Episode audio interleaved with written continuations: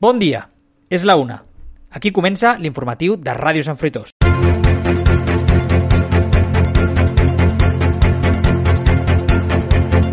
Encetem un nou divendres, un nou cap de setmana amb moltes novetats. Avui repassarem tot el que va donar de si al ple d'ahir, el ple ordinari, a diferència de la setmana anterior, que va ser un ple extraordinari, però també, en aquest cas, amb molt protagonisme per una ordenança en concret, la que regula els àpats a domicili. Ara, de seguida, la comentem també. eh, Us aprovarem totes les coses i les novetats que hi ha hagut en matèria del Parc de l'Agulla i el seu pla director urbanístic, que s'ha presentat aquesta setmana, i també, com sempre, novetats pel que fa a l'habitatge social, a les parcel·les aquí a Sant Fritos i als diferents tallers i activitats que s'han preparat durant la setmana i que estan previstos també per més endavant, com són el taller 3D, els tallers de residus i doncs, fins i tot una excursió al Teatre Tívoli que està prevista pel mes de desembre però que l'Ajuntament de, de Sant Fritos ha obert ja les inscripcions. Després repassarem, com sempre, la previsió meteorològica i parlarem breument d'esports abans de parlar amb protagonistes. Avui parlarem de l'apagada massiva que diuen que està a punt de succeir en tot el món.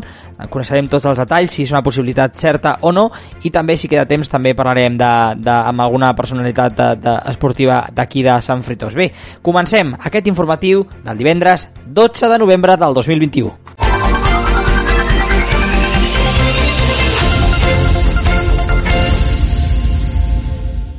Sant Fritos de Bages va aprovar en el ple d'ahir una ordenança que regula el servei d'àpats a domicili per la gent gran o amb dependència a partir del 2022. Aquest va ser el punt més important del ple, que va entrar com a sobrevingut perquè, segons reconeixen des de l'Ajuntament, han treballat a correcuita per poder incloure'l a l'informe final. Segons l'equip de govern, aquesta mesura neix amb una voluntat preventiva. Així ho valorava la regidora d'atenció a les persones, Cristina Múrcia. Posar al servei de les persones grans la possibilitat de, de tenir un servei d'àpats a domicili. És un servei que neix amb la voluntat eh, preventiva, amb la, amb la voluntat de prevenir situacions de risc per persones grans o per persones dependents amb aquest servei es pretén allargar l'estada de les persones grans a les seves llars i evitar que hagin d'ingressar en una residència per aquest motiu. Per la seva banda, des de l'oposició, tot i criticar la mesura, afirmant que les va impulsar l'anterior govern, també van votar a favor de la proposta, que va ser aprovada finalment per unanimitat. Així ho expressava Núria Clarella, de Gent Fent Poble. Ens alegra des de Gent Fent Poble que un servei en el qual nosaltres també hi creiem, en el qual també hi estàvem treballant, realment al final es dugui a terme, que és un servei necessari per la gent gran i més avui en dia amb tot el que hem pogut passar per culpa de la Covid, que ha agreujat moltes situacions familiars. L'altre punt destacat del ple d'ahir va ser la delegació de competències al Consorci del Bages per la gestió de residus i per la prestació del servei de recollida de residus de la fracció resta i de la fracció orgànica. Es tracta de la pròrroga d'un projecte que es va iniciar l'any 2017. Per la seva banda, des de l'oposició van treure pit de la proposta defensant que van ser ells qui van iniciar el projecte. En parla Xavier Racero de Gent Fent Poble. N'estem molt orgullosos perquè també vam ser els pioners a nivell de Catalunya, conjuntament amb l'Ajuntament de Balsareny i Rajadell, de poder fer aquest conveni i plegats doncs, endegar aquest camí. Per tenir una recollida de residus que Sant Fritós es mereix i que Gent Fent Poble té clar quin hauria de ser. Tot i que continuen els retrets entre govern i oposició, no hi va haver cap prec ni preguntar en la sessió d'ahir.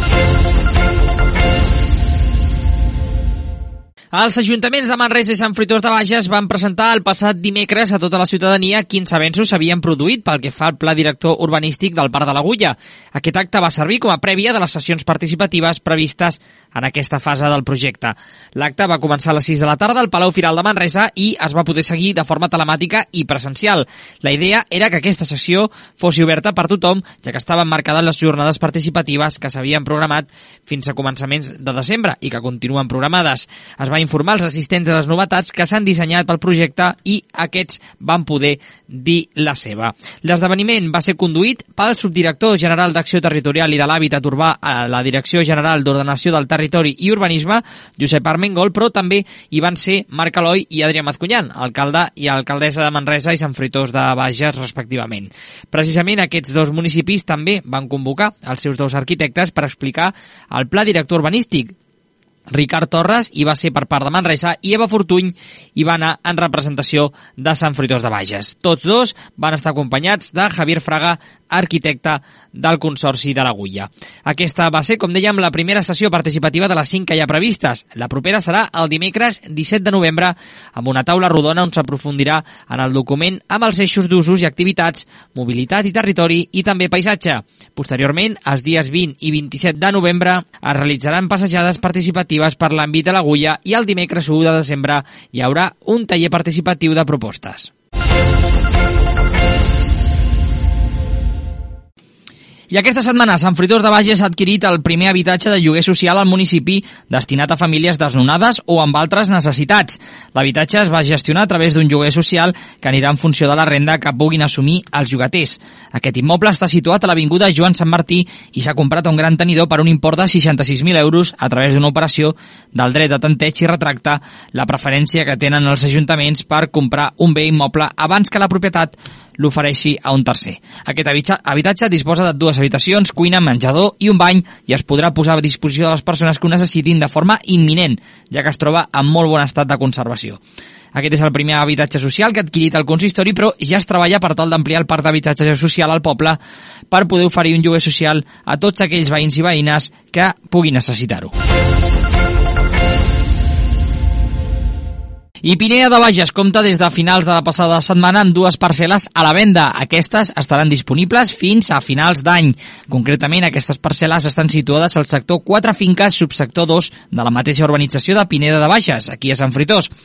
És el mateix Ajuntament qui ha aprovat posar a la venda aquests habitatges que estan qualificats com a sol urbà consolidat en una àrea classificada com a zona d'habitatges aïllats. Aquests terrenys tenen un preu de sortida de 300 euros per metre quadrat i compten amb unes superfícies de 494 i 472 metres quadrats, respectivament. Estan situats al carrer Alcina i són colindants, ja que són els portals 41 i 43. El procediment de compra és totalment obert. L'Ajuntament de Sant Fritós ha habilitat tota la documentació en un enllaç al seu lloc web on les persones interessades poden presentar la seva oferta fins al proper 2 de desembre.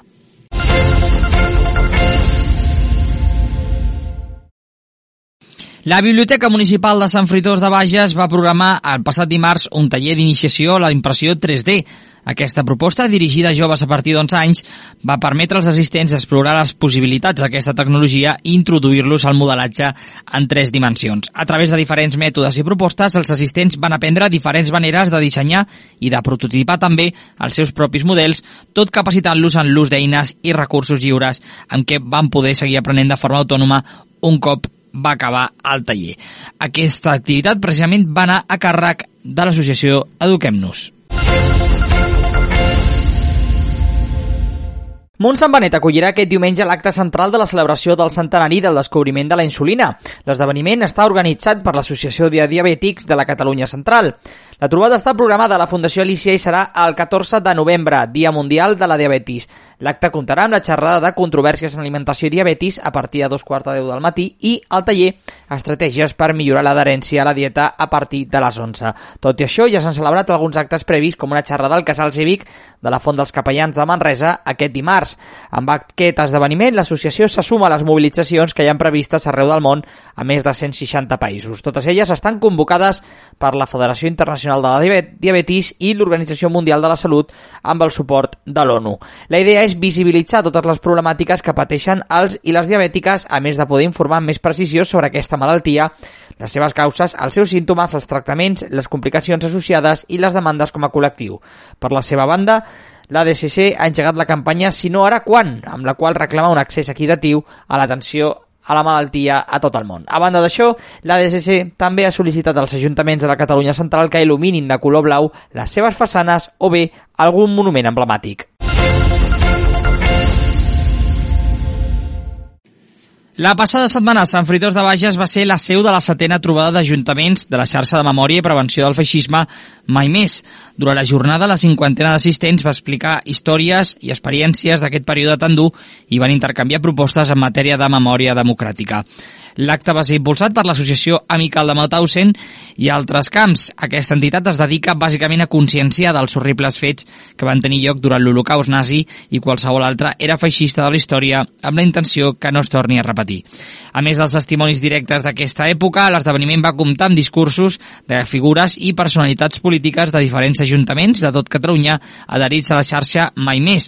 Aquesta participació es va dividir en diferents ponències, com ara la d'origen, desenvolupament i incidència a la joventut del concurs nacional de resistència i la deportació a França, impartida pel Charles Jack Martinetti, que via streaming i en traducció simultània va oferir aquest testimoni.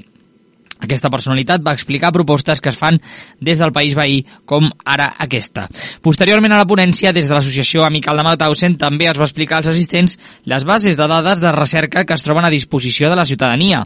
Aquesta trobada va ser presidida per l'alcaldessa de Sant Fruitós de Bages, Adrià Mazcunyan, el tècnic de Memòria Democràtica de la Diputació de Barcelona, Xavier Méndez, i el president de la Amical de Mauthausen, Juan Calvo Gascon. De fet, també l'Ajuntament de Sant Fruitós de Bages va aprofitar aquest acte per anunciar la presentació d'un projecte de memòria oral i documental sobre la guerra i la postguerra al municipi amb títol Aquella guerra que hi va haver que s'estrenarà el proper 19 de novembre al Teatre Casal Cultural. A la tarda, els i les participants van visitar el Museu de la Memòria de, de la Vinya i el Vi l'exposició sobre els deportats sanfritosencs al camps de concentració nazis realitzada pels alumnes de primer de batxillerat de l'Institut Gerbert d'Aurillac arran del seu viatge al camp de Mauthausen-Gusen. A Sant Fritós de Bages, gràcies a aquest conveni de col·laboració entre l'Ajuntament, l'Amical i l'Institut Gerbert d'Aurillac, anualment els alumnes de batxillerat visiten els camps d'extermini nazis i coneixen en primera persona els fets que hi van succeir. Amb aquestes visites es fa una important tasca de conscienciació amb els i les joves del municipi. La Biblioteca Municipal de Sant Fritós de Bages va programar el passat dimarts un taller d'iniciació a la impressió 3D aquesta proposta, dirigida a joves a partir d'11 anys, va permetre als assistents explorar les possibilitats d'aquesta tecnologia i introduir-los al modelatge en tres dimensions. A través de diferents mètodes i propostes, els assistents van aprendre diferents maneres de dissenyar i de prototipar també els seus propis models, tot capacitant-los en l'ús d'eines i recursos lliures amb què van poder seguir aprenent de forma autònoma un cop va acabar el taller. Aquesta activitat precisament va anar a càrrec de l'associació Eduquem-nos.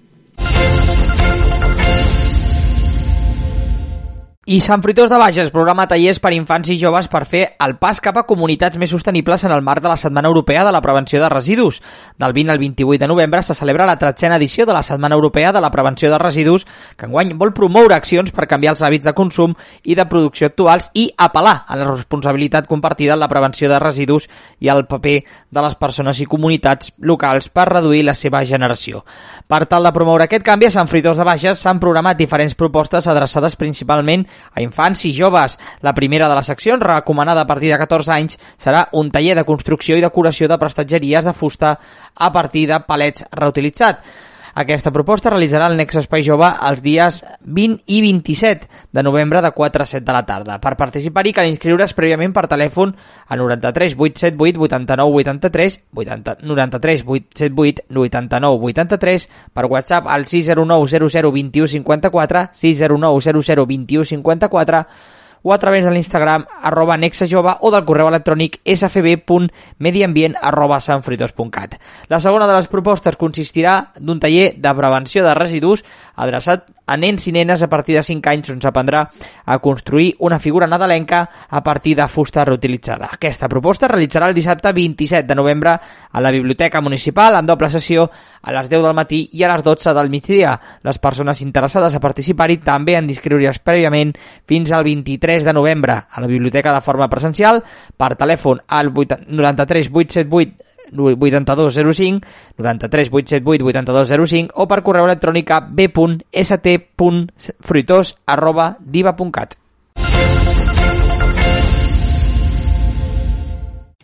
Amb motiu de l'obra Cantando bajo la lluvia, l'Ajuntament de Sant Fruitós de Bages ha programat una excursió fins al Teatre Tívoli de Barcelona. Serà el proper divendres 17 de desembre per gaudir de la representació d'aquesta mítica comèdia musical.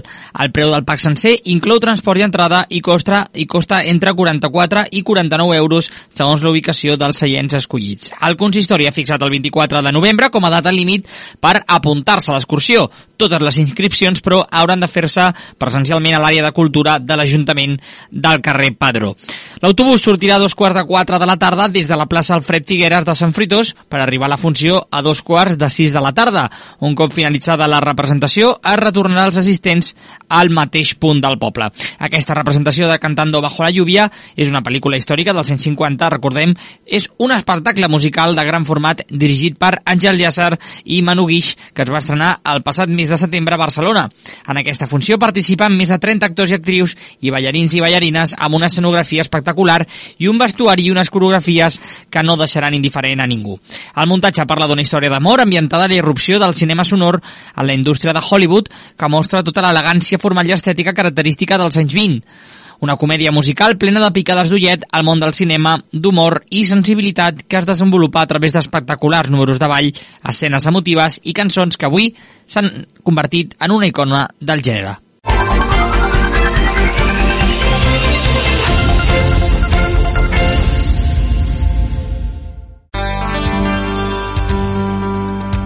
El temps.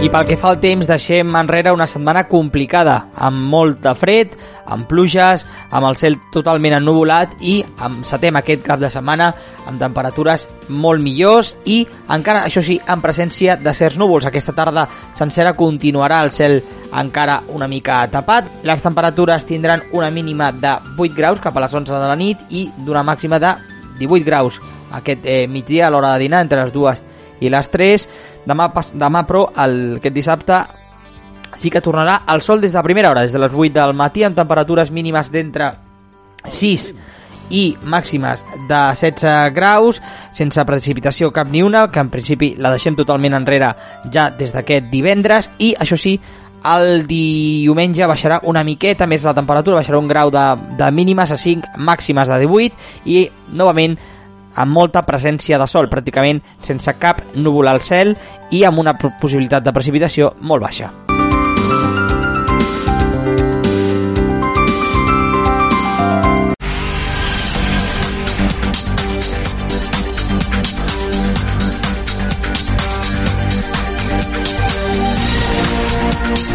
Obrim la secció d'esports. Comencem parlant de futbol, ja que el Fritosenc vol refer-se de la derrota davant del Porreig. Concretament, els de Rubén Navarro visiten diumenge a les 4 de la tarda al Súria. El conjunt fritosenc es troba a la cinquena plaça amb 10 punts, mentre que el seu rival és setè amb 8. En bàsquet, aquí a Sant Fritós, els equips de, de l'ASFE també tenen partits complicats. Comencem, com sempre, per la samarreta ASFE, l'equip masculí que visita la Salle Manresa demà a 3 quarts de 6 de la tarda. L'equip Sant Fritosenc es troba en la segona posició amb 10 punts que són els mateixos que tenen els seus rivals. De la seva banda, el Petro Pinto Asfe, l'equip femení jugarà exactament a la mateixa hora aquí, a casa, davant del Reus Deportiu. Les de Marius Bonjorn són sisenes amb un rècord de 3 victòries i 3 derrotes, mentre que les seves oponents són les actuals penúltimes classificades. Seguim amb bàsquet, però ara a nivell comarcal, perquè el Baxi Manresa segueix sumant victòries. Aquesta setmana, Europa novament davant del Karsillaca turc, tot i que en aquesta ocasió per 88 a 69, amb un resultat encara més ampli que en el partit que es va jugar a Turquia. La bona notícia, més enllà de la victòria, és que els dels Pedro Martínez ja estan classificats per la següent fase com a primers de grups i que evitaran l'eliminatòria prèvia. Els locals van anar de més, menys a més en el partit i van acabar sent clarament superiors al seu rival. Els turcs no van tenir resposta davant del joc manresà i van acabar cedint davant d'un final de partit molt plàcid per als catalans. Ismael Baco i Joe Thomason van ser els més destacats per part del bàndol manresà amb 20 i 21 punts respectivament. El ritme no s'aturarà però pels vegencs que aquest cap de setmana tenen un partit clau que se'ls asseguraria acabar la jornada en posicions de Copa del Rei. Els de Pedro Martínez reben a les 8 del diumenge el Congost al Breogán, amb qui està empatat el rècord de victòries. Tots dos equips en sumen 5 i acumulen 4 derrotes. I acabem aquest amb vòlei perquè els equips de Sant Fritós descansen aquesta setmana. El sènior A de l'ASFE són sisenes amb 6 punts a la primera divisió femenina, mentre que el sènior B doncs, sumen 2 punts i són cueres a la tercera divisió femenina. Pel que fa a les juvenils, en el seu grup són terceres amb 12 punts.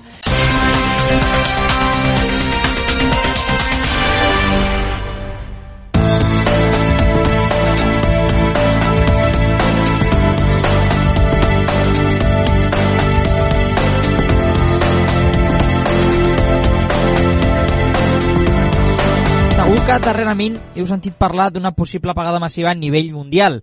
Governs com el d'Alemanya o Àustria ja han parlat obertament en el passat d'aquesta possibilitat, fet que ja ha generat certa emergència a part de la ciutadania de tot el món. Tot i això, el passat divendres l'Institut de Recerca Energia de Catalunya va explicar que la possibilitat d'aquesta apagada és a hores d'ara molt baixa. Avui volem conèixer què hi ha de cert en totes aquestes informacions tan confuses i per fer-ho anem a parlar precisament amb el responsable de grups de sistemes elèctrics de potència de l'IREC, el doctor José Luis eh, Domínguez, que ja ens escolta. Bon dia, doctor, com estàs? Hola, bon dia. Gràcies pel convit. Prim, pr primer de tot, eh, preguntar-li aquesta, aquesta informació, no? aquesta preocupació tan sobtada per una possible apagada a nivell mundial, d'on ve? Eh, quin és l'origen d'aquesta preocupació? Bueno, l'origen ve bàsicament, eh, ara, bueno, per la notícia d'Àustria, no? bàsicament, eh, però bàsicament el que és important és dir o remarcar no, que, que Àustria el que està dient, no, d'alguna manera, o el Ministeri de Defensa d'Àustria, que també és important remarcar això, no, està parlant dels de, uh, riscos no, que poden tenir. O sigui, jo crec que ells mateixos són conscients de que no és una cosa altament probable, sinó que el risc, és, o sigui, la, la probabilitat és molt baixa. Mm. Uh, però bàsicament ells són defensa i el que han de fer no, és posar-se en els pitjors dels casos i estar segurs de que podran no, respondre en cas de riscos improbables, no? És com a... Imagine, Imagineu-vos ara que volem comprar aquí ara un, eh, alguna cosa contra alguna bomba nuclear. Què diríem? Home, si ningú ens llançarà una. Bueno, pues defensa ha de pensar que potser algun dia no, vindrà algú i ens farà alguna cosa. Aleshores, és important no, posar una mica aquest context no, de que està parlant defensa, que, que és important, no, que no ho està fent energia, no, d'alguna manera. Uh -huh. Bé, uh, clar, tot i això, no, el que, uh, el que estaves dient, no, que, que, que és important remarcar-ho, uh, per posar-nos en context, per si hi ha persones que no saben bé el d'Àustria, no? que, que jo ara ho deia al principi, no? que han parlat obertament d'aquesta possibilitat, ara tu també feies menció, explicar què va ser uh, la ministra de Defensa d'Àustria, no? la senyora Claudia Tanner, qui va dir que uh, era qüestió, concretament, i això t'ho pregunto perquè clar, has, has dit va ser concretament aquest ministeri, no? en principi no, no hi ha tanta preocupació, però, però a mi em va sobtar la, la declaració perquè, clar, va dir que era una qüestió de quan passaria, no de si passaria, i uh, fins i tot uh, fixava un, un termini de 5 anys, però vosaltres veu explicar, no? Uh, heu anat explicant aquests dies, no? des de l'IDEC a mitjans de comunicació, que aquesta, aquesta possibilitat és molt baixa. Uh, per què llavors diu això la senyora Tanner? Bueno, Uh, hi han qüestions personals, bueno, personals meves que potser, no, no sé si és important dir-ho, a nivell uh, formal, no, d'alguna manera, jo crec que també és una mica posicionament del Ministeri. No? O sigui, és important, no? últimament, amb tot el tema també del, del canvi climàtic i que defensa últimament a qualsevol país europeu, no? s'està veient, diguéssim, que té molta despesa, bueno, doncs potser té una mica més de pes. Uh -huh. Però això és una opinió personal, uh -huh. una mica com voler reforçar, diguéssim, la seva posició. A nivell energia, no, que també és l'important, o el que ens remarca, també hi ha els condicionants ara, no? el tema de que Rússia o Argèlia, Marroc, no? aquestes baralles que estan tenint, uh -huh. no? d'alguna manera per al tema del d'enviar-nos, no? diguéssim, d'alguna manera, o importar, nosaltres podem importar aquest gas, doncs també fa una mica no? que tot faci més soroll, no? d'alguna manera. Mm. És a dir, eh, entenc que, pel que està dient vostè, no, eh, les declaracions de la ministra no, hi ha mm, més contingut polític que fonament no? pel, pel, per aquesta lluita que s'està produint a nivell energètic, no? aquesta baralla a nivell també global, eh, per cert, eh, que com, com apuntaves, entre Rússia, no Argèlia, tot el que ha passat darrerament, té més a veure no, amb un discurs o amb una estratègia política que no amb un fonament científic. Sí, sí, inicialment sí, i aleshores a nivell energia, eh, l'important, no? Per exemple, també eh, hem de posar en context eh, la idiosincrasia de cada país, no? D'alguna manera, Àustria eh, té moltíssima hidràulica. No? Té, les, elles estan utilitzant més del 50% només d'energia de, de pantans que tenen. Uh -huh. no? I després tenen un 20%, al voltant d'un 20% de, de gas. D'acord? Aleshores, clar, ells si et posen el pitjor dels casos de amb el canvi climàtic tindrem una gran sequera, no? o no tindrem les pluges que estem tenint fins ara, i em tallen el gas, pues, bueno, potser no tinc suficient no? jo internament per poder cobrir. I si no només em passa a mi, sinó li li passa una cosa semblant als països veïns que tinc connectats, no em podran donar, no diguéssim, excedents. Mm. Uh, per mi, aleshores, bueno, doncs haurem de tallar. Però també una cosa que és important, no? El, i això jo crec que no només ho, ho hem dit nosaltres des d'IREC, sinó ho, ho està dient molta gent, no? diguéssim, molts experts en el, en el camp de l'electricitat i d'energia, que perquè això arribi a passar s'han de fer les coses molt malament en l'escenari que ens estan plantejant. No? Vull dir, perquè al final, si tu depens tant de l'aigua, no? de l'hidràulica, tu saps el teu nivell d'aigua que tens als pantans, no? o saps quantes reserves tens de gas què vol dir això? Que si tu veus que t'estàs baixant els nivells de reserves que tens, tant d'aigua com de gas, i no estàs posant solucions, és que estàs fent malament les coses. No? Mm. No, clar, clar. no, no serà d'un dia cap a l'altre, saps el que vull dir? Però, a això em refereixo, no? que no és una cosa d'un dia cap a l'altre. Però aquest període de 5 anys no? que, que deia, per exemple, la senyora Tanner, que ja m'ha quedat clar, eh, pel que m'has dit que és més un discurs eh, polític, no? que no hi ha tant fonament com, com pot, podem pensar de primeres, Uh, el termini també és, entre cometes, se l'inventa o, o, o hi ha certa preocupació en aquest eh, període? Perquè ara deies, no? potser si es fa aquesta mala gestió sí que ens trobem un escenari mm, lleugerament preocupant, no? Uh, si més no, però no sé si estem a prop d'aquest escenari, és el que vull preguntar-te, no? Si, uh, si ja estem en, en aquest període de 5 anys que possiblement si no es fan bé les coses, no? si posant-nos en aquest escenari catastròfic on no s'estan fent bé o no s'apliquen bones mesures, ens podem trobar amb això en un, període de temps mm, a curt termini, vaja. Mm, bueno, està parlant, jo entenc, eh, que més o menys els 5 anys són també per tot el tema dels acords que hi ha hagut de, de transició ecològica, uh -huh que hi ha molts acords no, pel 2030, si mm. parla de 5, em sembla que també s'havia parlat, no, de, que abans de l'escenari 2030, que és quan em sembla que fins i tot Àustria estava proposant arribar a pràcticament 100% de renovables. No, aleshores, tot això també li fa una mica canviat l'escenari energètic dins del país i, bueno, aleshores estan una mica amb aquesta por de si no tinc vent, no tinc sol, no tinc no, aigua i no tinc l'altre, doncs clar, em passarà molt més del que m'està passant ara. Mm. No? I aleshores és una mica aquest escenari. Jo crec que estan anant més a, a escenaris llunyans, i, però bueno, el mateix, eh? torno a remarcar, la probabilitat de que això realment ocorreixi és molt baixa. Mm -hmm. O sigui, que passi a Àustria i que passi aquí a casa això encara no. Això no dir, hmm. això no va dir, eh, és a dir, quan parlem d'una paga a nivell eh, eh, mundial, no? a nivell global, que, que és una mica el que, el que ha sonat, no tant no, a nivell nacional, que això, evidentment, cada país ha tingut no, problemes, eh, segons eh, també com té, com has, has explicat tu abans, no, la seva xarxa, o com ho té tot eh, distribuït i estructurat, però quan parlem d'una apagada a nivell mundial i a nivell global és pràcticament posar tots els països al mateix nivell no, de, de desabastament. Uh, clar, això no seria així, no? si en cas que, que hi hagués un problema de desabastament, entenc, no? d'insuficiència, eh, seria una miqueta per eh, això, no? amb escales, no? amb graus, diferents graus segons el, el nivell de preparació i, de, i els protocols que s'han establert no? en cada país.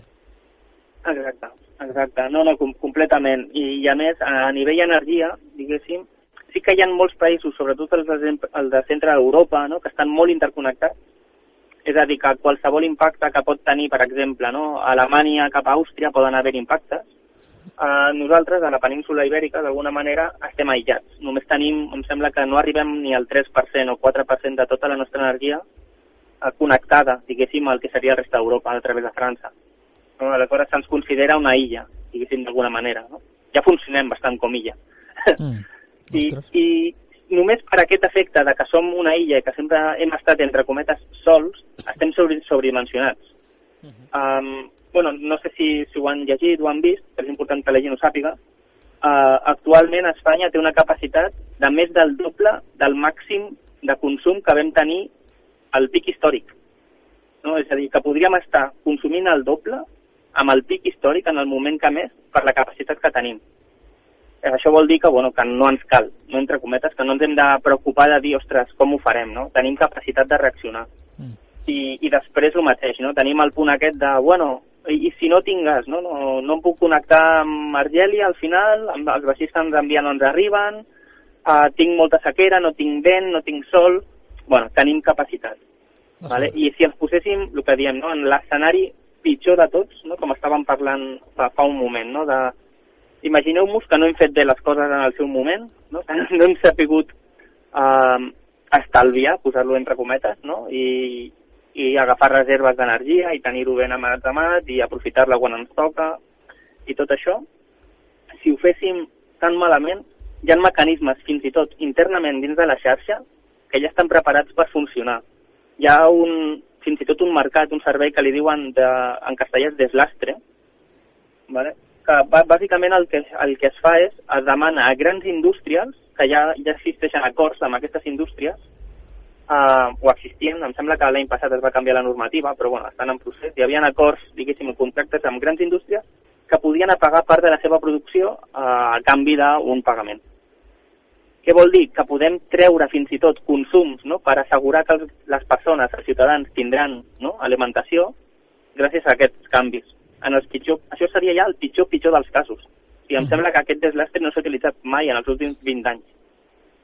Vull dir que, que estem en un escenari molt, molt, molt improbable igualment. Mm -hmm. No, clar, clar, s'ha de tenir en compte, eh? s'ha de tenir en compte a l'hora de, uh, quan, quan valorem, no? perquè clar, tu, des de l'IREC no, dèieu també l'altre dia, més, més uh, enllà del que estaves explicant ara, no? que el sistema espanyol és fiable en el grau, no? Uh, precisament entenc sí. per, per aquests aspectes que, que comentaves. Clar, uh, com es pot, per, per fer-ho una mica perquè la gent ho entengui, com, com es pot mesurar el grau de fiabilitat d'una xarxa elèctrica? El, hi ha un pare, dos paràmetres, bueno, que els diré una mica així, que la gent, si vol, els pot googlejar, que són el, el TIEPI i el NIEPI bàsicament és el temps de parada o el temps de no servei. D'acord? I el que fan és mesurar a uh, quants minuts, diguéssim, de mitja uh, anuals la gent es queda sense llum. D'acord? Uh, només per normativa uh, aquí a Espanya, si no m'equivoco, aquest uh, temps màxim no arriba als, em sembla que era 60 minuts de mitja anual per persona no? o per usuari. Uh -huh. ah, aleshores, clar, si ens ho posem així, és màxim una hora. Sí que podem dir, ostres, doncs l'altre dia amb el Glòria, no? a mi em, va, em vaig quedar tres dies sense llum a casa, no? o quatre. Sí, però com és la mitja anual, no? sempre hi ha algú que no ha tingut cap per on no? i et fa la mitja. Uh -huh. Però bueno, que hem de pensar que si contem les hores a l'any que estem utilitzant el llum i que com màxim per normativa no? podem tenir una hora de parada, eh, és molt, molt, molt, molt fiable. Uh -huh. Estem parlant d'un 99% no? de fiabilitat déu nhi que és moltíssim. Sí, sí. Clar, um, per això s'entén no? quan, quan, quan dius el tema de, de la, de la, del grau de fiabilitat.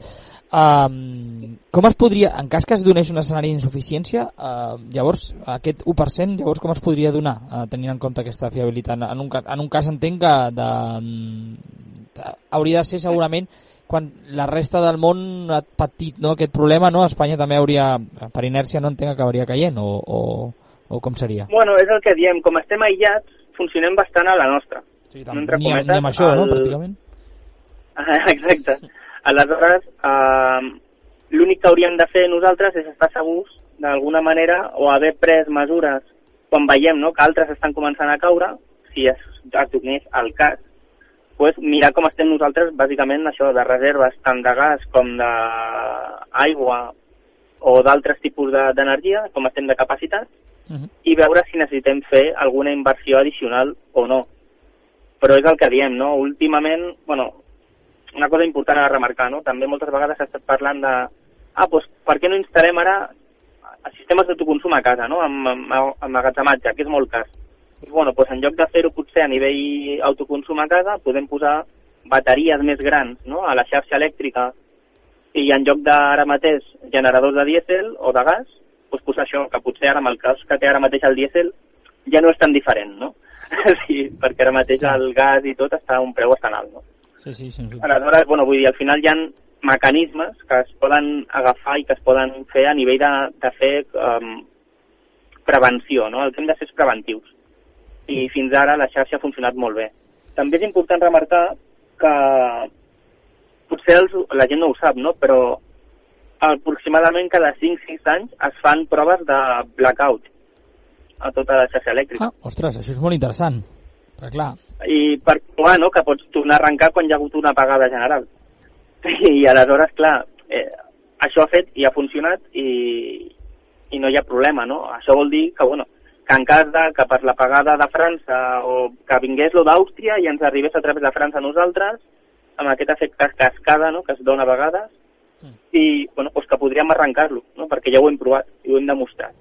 No? I, I després el cas més proper no és el d'aquest estiu de França, no? que va haver-hi aquesta, no sé si era un helicòpter, un dron, una cosa així, no? que va trencar un, un cable elèctric Sí. de la connexió França-Espanya i, i va fer caure la meitat de la península. No? Vam estar un parell d'hores la meitat de la península sense llum, però es va recuperar sencera. No? Aquí vam demostrar aquesta resiliència, no?, d'alguna manera, eh, que és important, no?, aquesta resistència als canvis. Està molt bé que expliquis això, no? perquè clar, ara mateix no, amb, amb, amb aquesta incertesa no? que, que s'ha creat, eh, casos com, com tan recents com aquest no? també poden, poden servir com a referència, no? com deies, per, per, això, per aportar aquesta tranquil·litat a la, també a la, a la ciutadania. Deixem que pregunti, des de l'IREC, eh, esteu preparant algun projecte també per millorar encara més la resistència de, de la nostra xarxa? Feu, eh, quin, quines tasques feu, concretament? Sí, de, de, des de l'IREC estem treballant bueno, en diferents línies no, respecte a la seguretat de la xarxa. Un, en un camp que també em sembla que el van remarcar una mica, no sé si fins i tot a Àustria i a alguns països, no, el tema de ciberseguretat, que també hi ha temes de riscos no, a nivell de, de, de, de hackers, no, que ens poden atacar, diguéssim, a la xarxa elèctrica i fer-la pagar.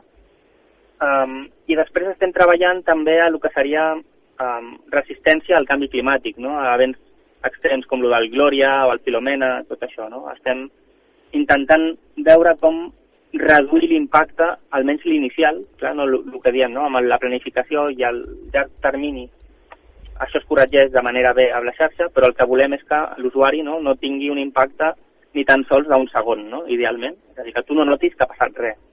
I aleshores estem treballant amb l'aprofitament de les renovables i fins i tot dels sistemes d'autoconsum dels usuaris per assegurar aquest abastiment, diguéssim, a nivell de barri no? i a nivell de poble. Mm. Llavors estem veure, veient com aquestes, aquests controls no? I, i aquests sistemes de gestió dels, de les renovables ens poden permetre, diguéssim, reduir aquest impacte. Mm. No, no, eh, està clar que, que en aquest sentit eh, també si fins i tot es millora la resistència de la xarxa, si abans teníem no, aquesta tranquil·litat, ens estàvem quedant tranquils amb el que ens estaves explicant, doncs encara, encara més. Um, uh, una, una pregunta, sortint una miqueta del que, del que és Catalunya, del que és eh, fins i tot eh, Espanya, tornant un, una mica aquesta preocupació d'Àustria, d'Alemanya, sí que és veritat que hi ha països, no? crec que Alemanya el 2006 va tenir també no? un, un problema important, no? en Munster va ser, no? si no m'equivoco, elèctric, que, que, que, i de, des de llavors s'ha preparat un protocol, Uh, també doncs, eh, Croàcia, no? si no m'equivoco, a principis d'aquest any, precisament, el 2021, va tenir un problema en una xarxa que, que, que va afectar els països veïns, també, fins i tot. Uh, hi ha països que són més propensos a aquesta, a aquesta, a aquesta possibilitat d'insuficiència a nivell europeu, vull dir, hi ha països que sí que de veritat tenen motius per estar preocupats per, per aquesta possibilitat d'un blackout? Uh, jo, o sigui, personalment, aquí sí que hauríem d'anar al detall dels números, no? Uh -huh. perquè de, depèn molt també de la dependència que tinguis de certes fonts de generació. No? Amb això vull dir, si nosaltres tinguéssim uh, una gran dependència, per exemple, del gas o del carbó o del que fos, no? que ara mateix doncs, bueno, els hem d'importar, doncs tindríem problemes. Segurament hi ha països, diguéssim, uh, més cap a l'est d'Europa, no? que no tenen tantes renovables, que no tenen tanta nuclear, tampoc, no entre cometes, i que depenen molt de sistemes de cogeneració o de plantes de gas, no? I aleshores, potser, si ells tenen aquesta dependència de gas i no tenen els acords per rebre això, poden tenir uh, potser una mica més de risc que nosaltres. Però en qualsevol cas, una cosa que és important, diguéssim, és que això passa no només a, aquí, no a casa, sinó també passa a tota Europa i a tot el món, la xarxa elèctrica és considerada una infraestructura crítica. No? I amb això vull dir que és el, com una de les coses principals a protegir no? i assegurar perquè saben que és un servei necessari. Aleshores, eh, tu el que intentes és dependre, no? fer-ho el més segur possible en qualsevol dels potencials escenaris que, que es tinguin. No? Uh -huh. Aleshores, sí que pot arribar a passar en altres països que tinguin una dependència més alta, però el mateix, no? tindran mecanismes de correcció i de protecció doncs eh, evidentment doncs, també tranquil·litat en aquest sentit, tot i que és veritat que pel que deies, no, a, a, a Espanya, que està una mica és un país aïllat, en el bon sentit de la paraula, en aquest cas, no, de, de, sí, del sistema. eh, elèctricament sempre ens queixaven del contrari. O sigui, sempre dèiem, ostres, estem aïllats, ens hem de connectar més. De fet, Ja, ja fa no gaire, no? Es va fer la, la connexió aquesta de, molt gran de dos gigas França-Espanya a través de Santa Llogaia, diguéssim, aquí al nord de Catalunya, s'està fent una altra igual al País Basc, no? per intentar unir-se més, d'alguna manera, Ostres. però ara, bueno, en aquest escenari és un avantatge. No, no, sens dubte. Ara mateix, eh, pel que expliques, sembla, sembla això eh, totalment. Bé, doncs, eh, José Luis Domínguez, que ha estat eh, un autèntic eh, plaer parlar amb tu de- d'aquesta situació, no? d'aquesta mm, apagada no? que s'ha parlat moltíssim darrerament. Jo crec que eh, tocava parlar d'això, crec que s'ha de fer una mica de pedagogia, tranquil·litzar les persones no? i explicar bé el que està passant i el que s'està parlant darrerament i crec que pel que expliques podem quedar-nos molt tranquils. Uh, uh, gràcies i res, que vagi molt bé de, amb tota la feina que feu des de l'Institut de Recerca Energia de, de Catalunya, que és moltíssima. Moltíssimes gràcies per, per la trucada i això, l'important, com dius, és que la gent estigui tranquil·la. També ho dic, si la gent es vol comprar un kit d'emergència que el compri, però no, no, no cal anar com bojos, d'alguna manera tots a comprar-ho ara, no? Sí, A poc a poc, si el vols tenir a casa, és com si vols tenir un extintor a casa, no? Em cal tenir un extintor? Bueno, puc tenir un incendi, no? Per poder tenir-lo puc tenir. Però No, clar, clar. no me'l posaré, no? D'aquí què passa? Aleshores, aquest és el, exacte, no? aquest és l'escenari. És a dir, si el vols tenir la gent, perquè sent més segura, el vol tenir, bueno, però que no cal anar corrents ara i ja s'aurir tot. Mhm. I no, no, no hi ha cap problema, que hem d'estar tranquils. Bé, doncs, eh, José Luis eh, Domínguez, eh, doctor, eh, gràcies per, per atendre'ns i que vagi molt bé. Molt bé, moltes gràcies, bon dia.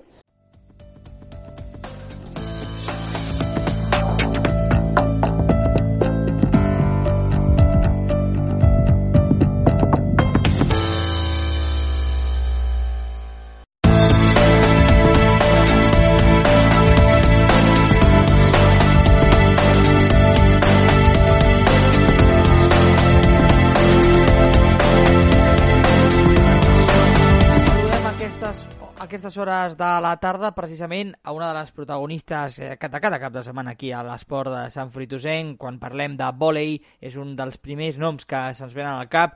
Eh, evidentment eh, parlo de la Sílvia Pozo, que ja ens està escoltant, jugadora eh, i del Senyorà i també segona entrenadora que doncs, eh, valorem, valorarem amb ella aquesta temporada de l'equip, com també fins i tot de, de, de l'equip, de, del, del club no? a nivell general, però també sobretot centrant-nos una miqueta en aquest sènior A que abans hem repassat, no? també a seva jornada aquest passat cap de setmana, que no va tenir un bon resultat, però doncs, eh, valorarem també aquestes sensacions i com ha iniciat la temporada l'equip. Eh, com està, Sílvia? Bona tarda. Hola, bona tarda. Uh, feia temps eh, que no parlaven, crec que des del passat mes de juny o uh, juliol, si no m'equivoco, que vam parlar per últim cop. Uh, de moment, però, heu començat la temporada, ara mateix esteu, si no m'equivoco, sisenes en aquesta, en aquesta taula classificatòria, el senyor A Sí. parlo, uh, veu perdre aquest passat cap de setmana davant del Vall d'Hebron. Uh, com valores la temporada fins ara? Com, com, com ha estat fins ara aquesta temporada? Uh, més o menys dintre les expectatives de, que teníeu abans de començar-la? O millor o pitjor? Bueno, eh, a veure, ja vam començar la temporada una miqueta amb alts i baixos, perquè sí que són bastantes, però bueno, hem tingut alguna, algun, algun compromís d'aquests d'última hora de gent que estudia fora. Uh Em sembla que ja t'ho vaig comentar, com tu dius, Sí. eh, cap, al, cap al juliol que vam fer entrevista. I eh, bueno, ens ha coincidit dues jugadores que s'han hagut de, de fer una, intervencions quirúrgiques per nivells, coses personals, Uh -huh. Gent que treballa dissabtes a la tarda i quan ens posen un partit dissabte ens falla. Hi han dues jugadores de Mallorca, per exemple, també, que bueno, un cap de setmana han hagut de marxar, i això ens ha fet destrontollar una mica a l'inici de temporada, la veritat. Mm. Però, bueno, esperem anar-nos eh, recuperant a poc a poc i, i anar fent aquest bloc, que a vegades és el que fa que, que els resultats t'acompanyin una miqueta. Mhm, Sens dubte. Diria, per tant, no, que potser l'inici... I així no... estem. Sí. Vale. Diria que, que l'inici no ha estat el, el, el més fàcil, no? precisament pel, pel que estàs comentant. O sigui, s'heu s'heu hagut d'adaptar a circumstàncies eh, del tot negatives no? per, per vosaltres per, mm, i fins i tot eh, sobreposar-vos no? això, que, que mai és fàcil. Exacte. Sí, sí, eh, ha sigut un, una feina una mica, bueno, està sent una feina a part de física, que jo crec que, que les que hi som i, i cada cop la gent que, que ve a entrenar s'ho pren en sèrio i, i, i molt bé, eh? Que passa és que mentalment, a vegades, quan t'enfrontes a, a, a la competició, eh, et trobes que, bueno, mentalment has de fer una feina o un esforç de dir, ostres, avui ens falta X jugadora, o avui què passa, que no acaben de sortir les coses, i és una mica això, no?, el que et deia, és, és acabar tenint l'equip al complet i, i poder fer un bloc, que, que anem totes a una, i això està costant una mica. A fora de pista, superguai, eh? O sigui, l'equip cap queixa i, i molt bé, l'ambient és molt maco.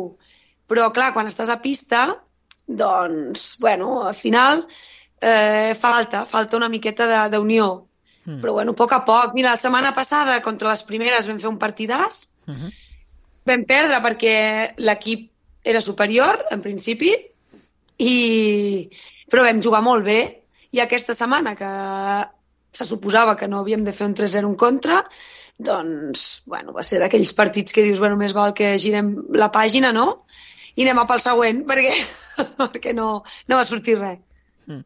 Uh, clar, és que mm, el partit, entenc, no, no, no era gens fàcil, no, tampoc. Eh, com va ser aquest partit? Explica'ns, que, que deies que no, que no vau tenir sort, que no, no us va acabar de sortir... Aquest últim? Sí, davant de la Vall d'Hebron. Bueno, eh, és el que et dic. Clar, ens faltaven dues jugadores bastant puntals, Clar. que tenen un ramat fort al davant, i bueno, ens vam començar a desanimar a més a més, eh, va ser un partit d'aquests que dius què està passant? Et sents una mica impotent perquè vam quedar abans, ens vam convocar abans perquè jugaven un partit de Superliga, el vam estar veient, ja et dic, molt bon rotllo, vam anar a vestuari, molt bé, vam començar l'escalfament. Sí que és cert que el partit havia de començar a les 6 i quart i vam començar, jo diria que a, les 8 o, o 3 quarts de 8, o sigui, tardíssim. Clar, això també et fa que perdis aquell, aquell moment de tensió, no?, de, de posar-te a jugar. I res, vam començar, vam començar a fer errors uh -huh. i, i ja no ens vam saber sobreposar.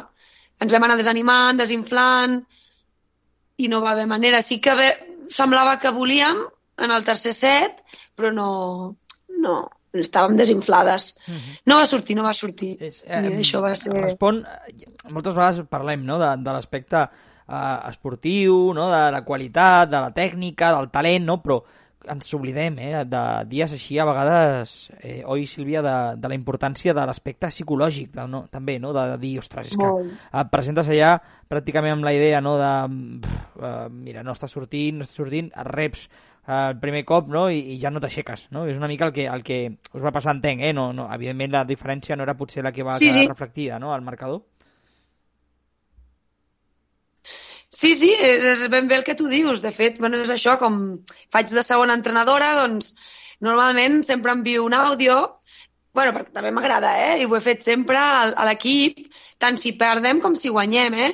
I a vegades és la reflexió una mica del partit, o com jo l'he vist, o, o com l'he entès, i per animar a les companyes. I aquest cap de setmana fins i tot l'entrenador em va escriure per privat i em deia Sílvia, estoy esperando tu audio. Mm y em preguntava, ¿no? En serio, ¿qué ha pasado? Porque no he entendido nada, ¿no? Ell parla en castellà sempre. Mm. I, i, i és que li deia, dic, ara lo mando. Digo, pero es que, es que no sé qué reflexión hacer.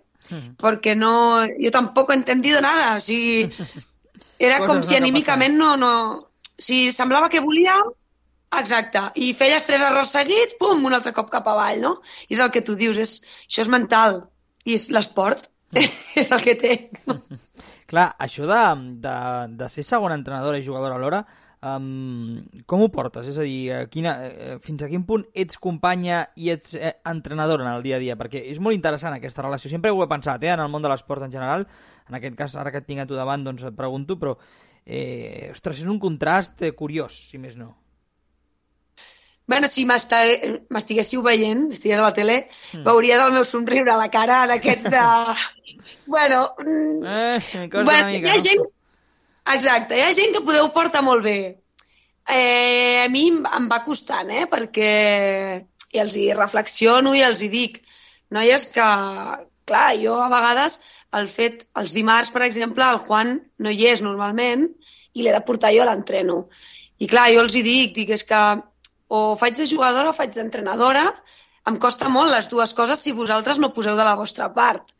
Perquè, clar, si jo us he d'anar corregint i a sobre he d'animar, necessito que tothom posi el 100%, perquè, perquè a més els dimarts són poquetes, perquè normalment els dijous ens venen a ajudar les juvenils, els divendres venen allò que et deia, no? les, de, les que estan estudiant fora, arriben els divendres, clar, el dimarts és el dia que són menys, i sobre l'he de portar jo.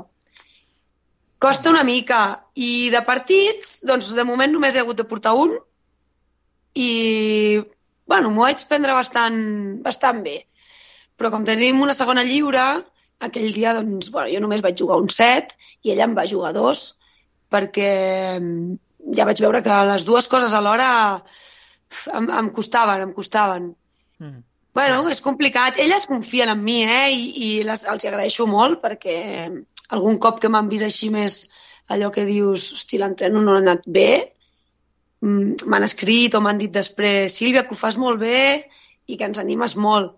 Mm però costa, eh, el fet de corregir, perquè tu també falles. Clar, clar, és no? que... I... Fins a quin punt... Clar, I com corregeixes a tu mateixa, no? A vegades, si ets, si ets l'entrenadora i jugadora alhora.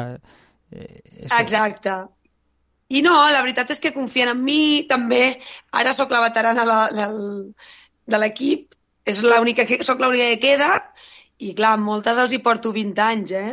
I, i això crea un respecte, bueno, o admiració a vegades, no? perquè també sóc una jugadora que, que no decau mai. Sempre intenta estar al 100%, però clar, el cos a vegades ja no em respon igual. clar, clar, no, sí, sí. És que... Bueno, tot és, tot és un... Bueno, un fer, un fer, anar fent. Hm. Bé, eh, pel que fa a la temporada, eh, quins objectius et, uh, us marqueu ara mateix en aquest sènior A?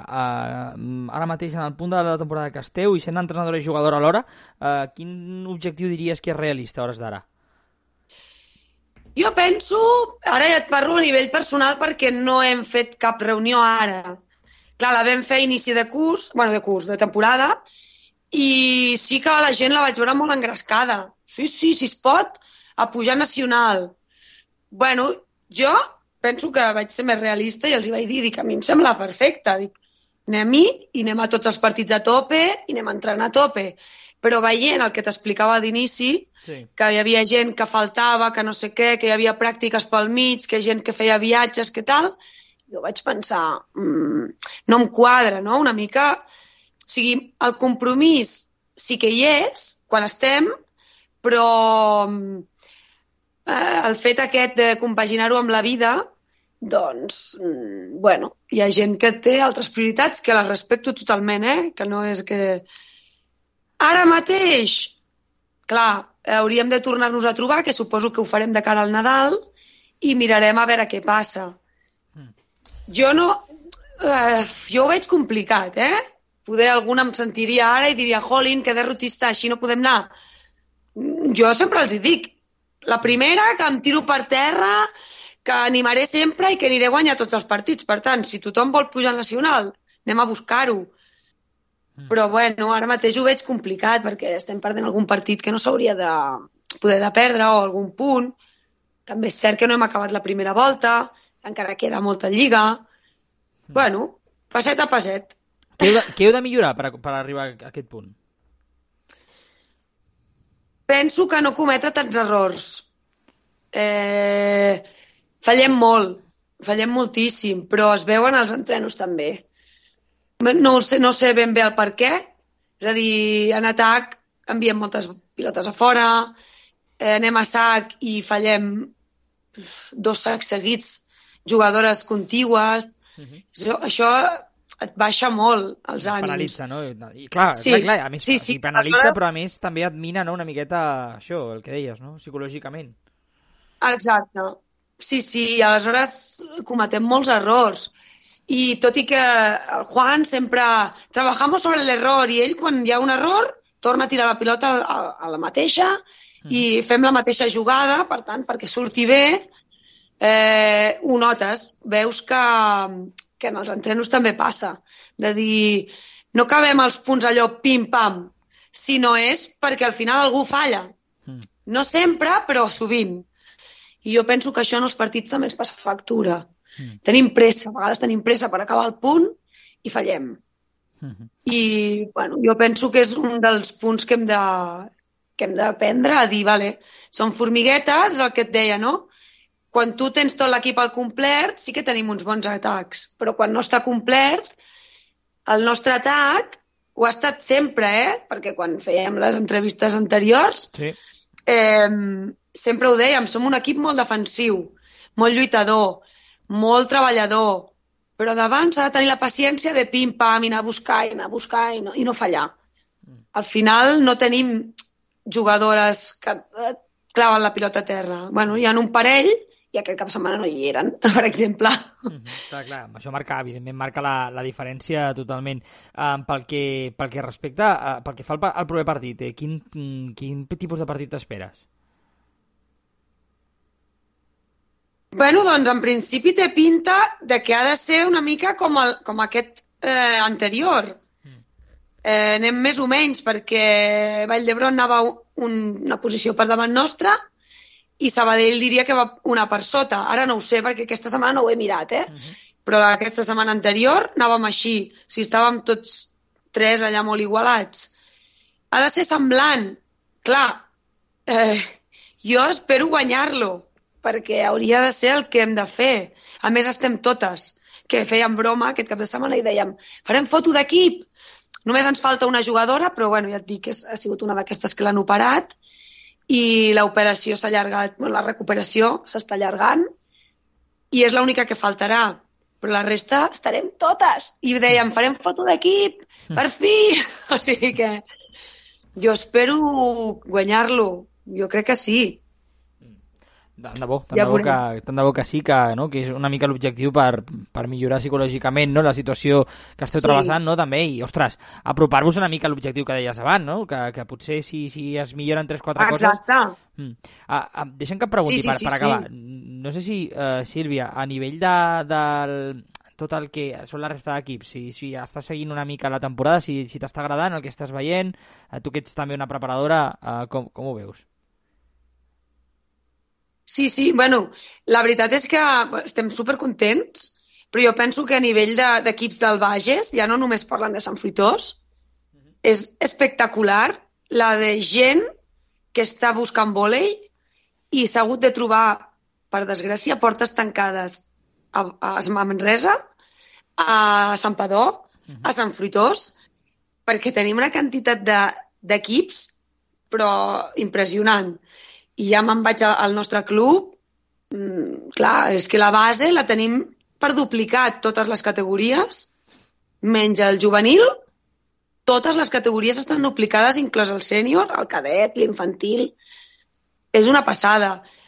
No, els equips estan molt motivats. Clar, jo penso que venim de la, de la pandèmia i la gent té moltes ganes de jugar, tenen moltes ganes i crec que estan bastant bé poder l'equip, els equips més fluixets, que són els Bs, eh, són els que van una mica més coixos i van perdent més partits, però els equips A, déu-n'hi-do, déu nhi déu van, van bastant bé i la gent està contenta.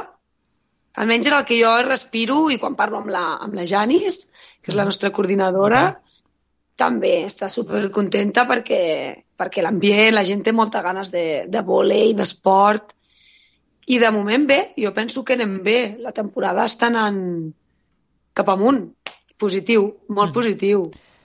Bé, doncs tant de bo que, que, aquesta, que es mantingui aquesta, aquesta bona dinàmica, no aquest bon ambient, si més no. Uh, Sílvia Pozo, jugadora del senior i de, del boli de, de Sant Fritós i també uh, segona entrenadora, que vagi molt bé i molta sort aquesta temporada. Moltes gràcies i, bueno, un plaer, com sempre.